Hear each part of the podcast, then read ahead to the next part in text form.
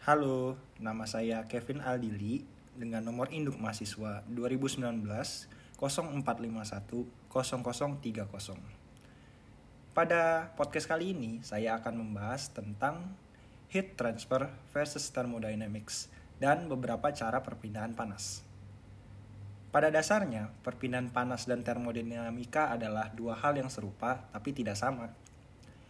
Keduanya mempunyai perbedaan yang mendasar. Termodinamika membahas tentang seberapa besar energi panas yang diperlukan untuk mengubah keadaan suatu sistem. Sementara itu, perpindahan panas juga tetap membahas tentang energi panas, tetapi pembahasan tersebut lebih menyempit ke seberapa besar laju perpindahan energi tersebut dan bagaimana cara energi tersebut berpindah. Panas bisa berpindah melalui tiga cara. Seperti yang kita tahu, ada konduksi, konveksi, dan juga radiasi.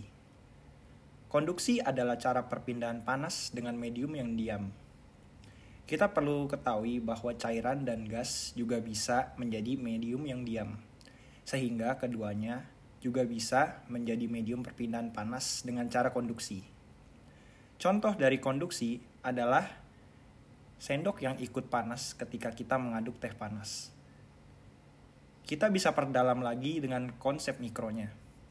Di dalam sendok pasti terdapat banyak atom-atom. Pada ujung sendok yang berhubungan dengan teh panas mempunyai atom-atom yang panas.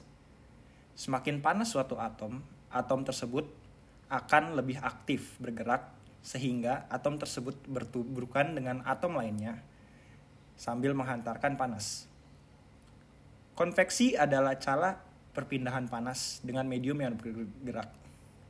Contoh dari konveksi adalah mengasapkan daging sapi. Cara yang ketiga adalah radiasi.